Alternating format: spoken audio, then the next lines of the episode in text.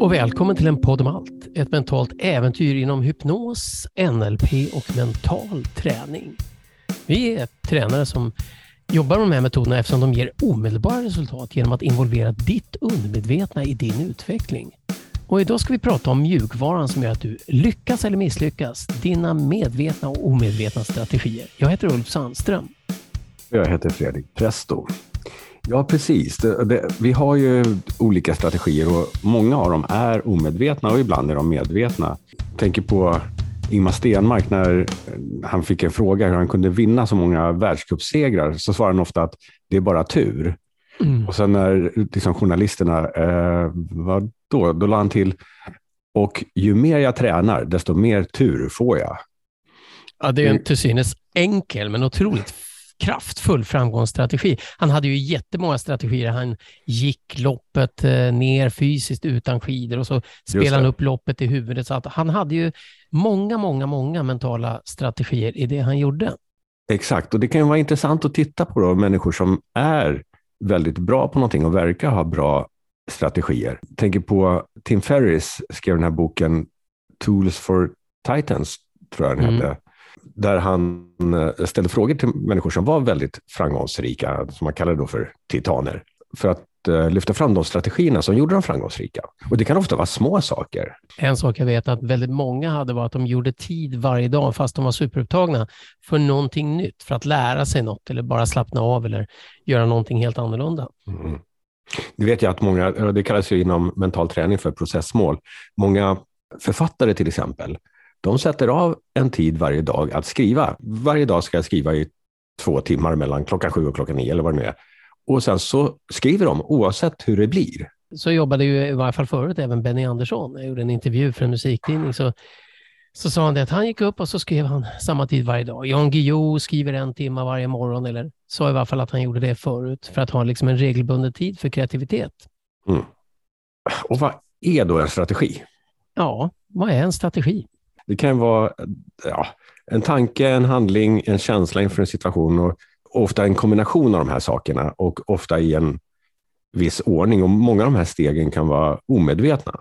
Det man missar är också att alltså, otroligt många negativa mänskliga beteenden är copingstrategier, ett sätt att hantera livet. Jag menar, hoarding, OCD, tvångstankar, mobbing, prokrastinering, mytomani, missbruk och anknytningsproblem, kleptomani, anorexia, bulimia. All, alla de här sakerna är egentligen, och det pratar man inom NLP, att alla de här beteendena har egentligen en positiv intention. De försöker lösa någonting. Det är en copingstrategi som har biverkningar. Och då handlar det ofta om att eh, hitta ett sätt att ändra den strategin. Ja, hade inte men, du en klient som hade en galet finurlig inlärningsstrategi? ja, just det. det. var faktiskt inte en klient, det var en kursdeltagare på NLP Practitioner som hade en fantastisk strategi när han skulle lära sig eh, nya saker. Det kan vara allt från liksom, förstå datorprogrammering eller kvantmekanik. Sånt kan vara helt ovärderligt.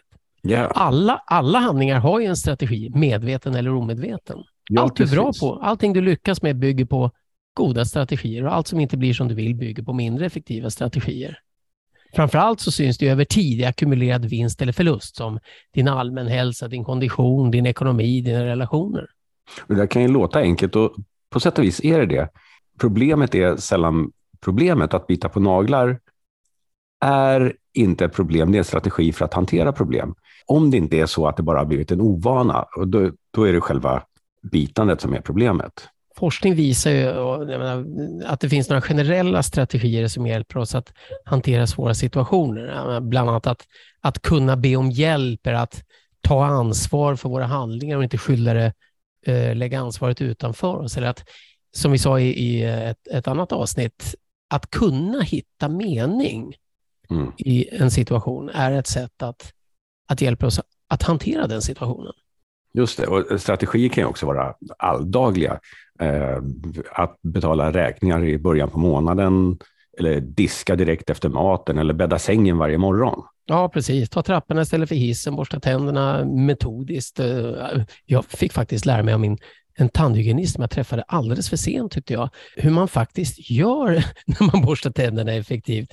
Framförallt längst bak i munnen, hur man ska vika käken lite grann för att komma åt på ett ställe där de flesta får problem med, med eh, tandhygien över år. Så det var otroligt intressant. Jag bara tänkte, shit vilka bra strategier. Det där får vi göra en podd om, det där vill jag lära mig. Ja, eller hur? ja, men sen också det, jag är lite, jag är lite dålig på namn, så att, att upprepa någons namn så här, som amerikaner gör när man hälsar på dem, någon säger hej, jag heter John, hej John, säger man. Så mm. har man upprepat det en gång till och, på ett sätt som gör att, att man har större chans att minnas det. Sen är det också bara... strategi att när jag kommer på någonting jag måste göra idag, i princip innan nästa gång jag tvättar händerna, så skriver det på baksidan av handen så ser jag. ja, jag visst. Dina händer är fulla med anteckningar. ja, men det funkar hand. även när man kör bil eller liksom man lyfter upp händerna för tangentbordet så ser man shit, parkera om bilen. Ja, men det, det, det verkar funka utmärkt. Ja, den är oparkerad. Varje strategi ger ett resultat och bättre strategier ger bättre resultat kan man säga. Ja, och vissa resultat blir synliga på sikt, som att ta trappor istället för hissen och andra omedelbart, som man ser det för när du går över gatan. Ja, precis. Det är en väldigt bra strategi. Tjoff! Jag läser ett exempel på enkel förklaring för, på strategier, att, och, och det här är väldigt förenklat nu, då, men att tala inför eh, en publik, om man håller en presentation. En bra strategi skulle kunna vara ett, kolla vem i publiken som redan ler. Mm. Två, känn dig peppad av det. Och tre, projicera eller förmedla den känslan på hela publiken. Mm. Medan en som kanske då tycker det är jobbigt att prata inför andra gör det motsatta, vilket är lätt hänt. Ett, hitta någon som ser kritisk ut. Två, ta åt dig den känslan. Och tre, reflektera den till resten av publiken. Jag, jag höll ju kurser för, för doktorander i att presentera ja, sin forskning på Karolinska institutet i många, många år, så jag djupdök verkligen i presentationsteknik. Och det som var otroligt spännande var att när man har en, en sån där strategi så kollar vem som redan ler. Så en liten nackdel kan vara att det kan vara ingen som ler. Ja. och, och, och, då sa jag alltid, men tänk dig någon som har ett vackert leende som du skulle vilja lyssna på det. Och så tänkte jag att de sitter mm. längst bak i rummet och så le tillbaka mot den personen som att de satt där från början. Det, för då har du redan det. hittat det statet. Mm. Och Sen måste man komma ihåg så att du, om, om du hittar någon som ser kritisk ut, de kan ju ha magknip för tusan. Det är ingen vits Eller hur? Ett annat sånt där knep som, jag kommer inte ihåg vad jag lärde mig, om någon ställer en fråga som du själv inte direkt kan svaret på, mm. så bara ställ en motfråga. Vad tror du själv? För de flesta som ställer en fråga har redan en tanke på ett svar på den frågan. Men om man nu vill eh, börja tinkering, man nu vill börja liksom jobba med sina strategier för att, för att se vad man kan göra annorlunda och kanske få ett bättre resultat eller ett annorlunda resultat, det är att man identifierar när en strategi aktiveras, för det gör det ju omedvetet. Och då kan man kolla på andras strategier som, som verkar vara framgångsrika inom det vi, vi vill bli framgångsrika på, då, oavsett om det är att eh, göra en golfputt eller, eh, eller betala en räkning eller få bättre kondis. Då kan vi snabbt förbättra våra prestationer inom alla möjliga områden.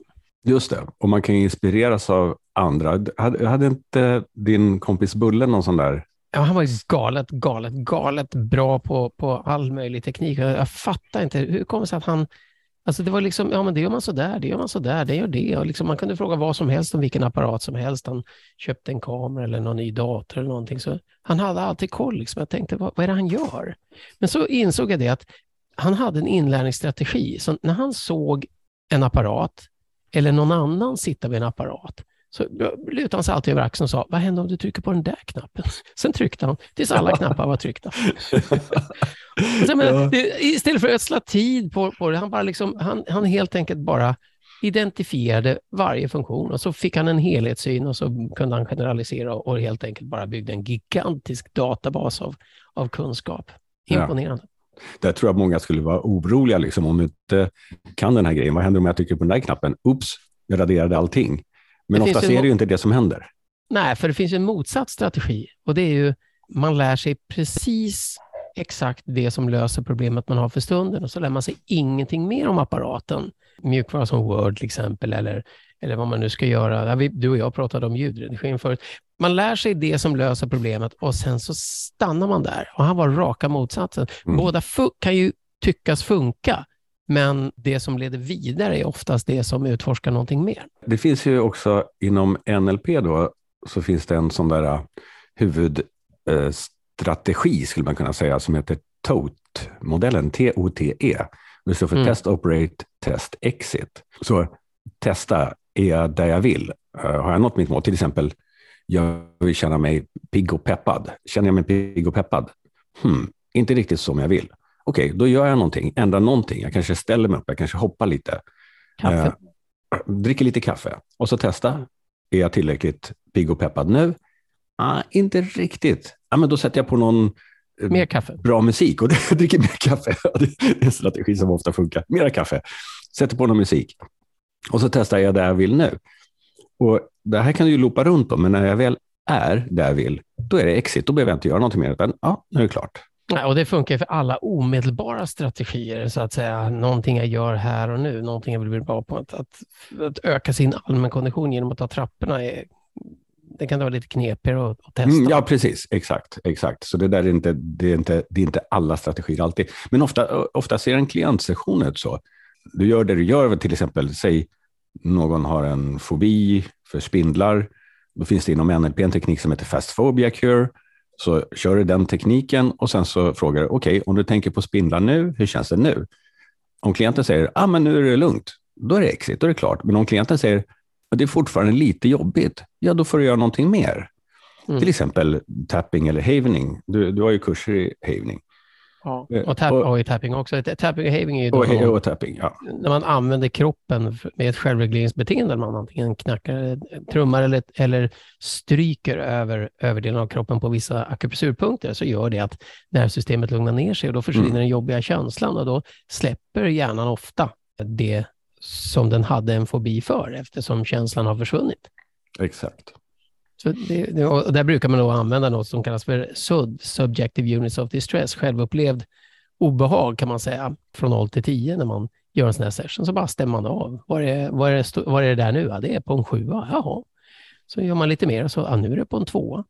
Och, och där är också så att, att ibland vill folk ha kvar ett visst obehag för någonting. Menar, det är ju inte så att man måste springa ut och kela med spindlar bara för att man förut hade en fobi. Nej, det finns ju, finns ju, spindlar faktiskt som, som kan nypa till. Så att eh, bara liksom ett, en hälsosam relation. Spindeln i sitt hörn och jag i mitt och jag läser en bok och spindeln äter flugor, det är väl toppen. Så om klienten säger att vad är det på för nivå nu, så säger de ett eller två. Ja. Eh, då kan man ju fråga, vill du ha det där eller vill du ha det ända till noll? Ja, men det är nog bra. Ibland så eh, kan det vara folk som oroar sig för saker och ting och oroa sig för mycket, men sen så, men jag vill ändå känna lite oro för det här, för annars skulle jag liksom inte göra någonting. Ja, men då är det fine. Men det, man kan ju alltid, allt, alltså det, det vi gör när, när vi säger hypnos eller mental träning, det är ju att vi, vårt mål är att formulera all förändring som är möjlig i någon slags metod eller teknik som man kan tillämpa, testa och sen om den funkar så kan man eh, säga att man har lyckats om man nu skulle vilja liksom ändra ett reaktionsmönster eller en vana så kan man ju bryta ner den i så små steg som möjligt. Vad, vad är det som händer precis innan det där? Så till exempel med en klient, om en klient säger i de här situationerna får jag ångest, så kanske en första fråga kan vara, hur upplever du den ångesten? Det känns i bröstet som att jag inte kan andas, som att det trycker. Okej. Okay. Börjar det i bröstet eller händer någonting annat innan det? Mm. Ja, men först blir det som en liten ilning i magen. Okej. Okay. Är ilningen i magen det första som händer? Ja, efter det att tanken på att rodna har dykt upp i huvudet. Okej, okay. så är det tanken på att rodna som startar det hela eller händer någonting annat innan det? Ja, där kan man ju fortsätta och där kan man ju ja. liksom gå en ganska lång kedja, för det är alltid någon bild eller tanke eller känsla som, som är med och knuffar på. Ja. Och Men vad, skulle det... göra, vad skulle du göra i det här fallet då, Fredrik? Ja, då, ja, då, skulle, då, skulle, då skulle jag antingen, antingen gå på tanken, för det finns sätt att ändra hur vi tänker tankar så att de inte känns jobbiga. Det inom NLP kallar man det för att dissociera, det vill säga att eh, se sig själv utifrån som på film och göra den bilden liten och flytta den långt bort. Men du kan ju också gå på själva ja, kanske den där ilningen då som kommer före, att det känns eh, som att inte kunna andas. Och där kan ju du säga vad du skulle göra.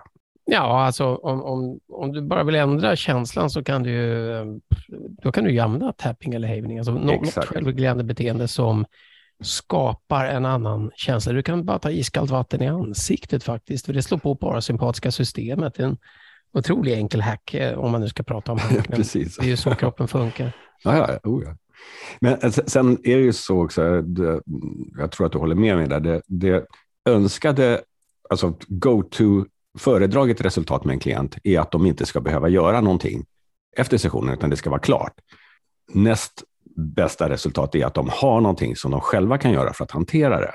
Eh, jag brukar ibland säga att jag ser mig när jag jobbar med klienter som en, ungefär en bilmekaniker. Ofta om en kund åker till, har, har något problem med bilen så åker de till verkstaden och då är det oftast inte, nu vill jag lära mig hur motorn funkar, utan kunden vill bara få problemet löst och sen ska bilen funka.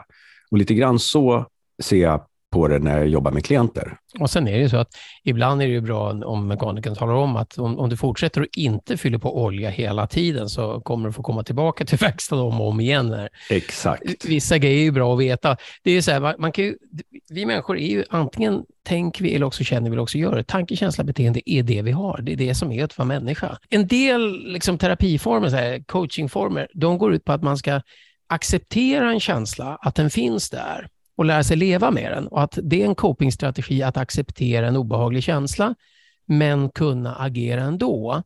Och, och det mm. andra är att man försöker tvinga sig till nya beteenden genom att öva, öva, öva så, så fort man hamnar i den där situationen. Och båda de upplever jag, även om de fungerar och ibland fungerar de briljant, så ibland tar det en väldigt lång omväg i tid.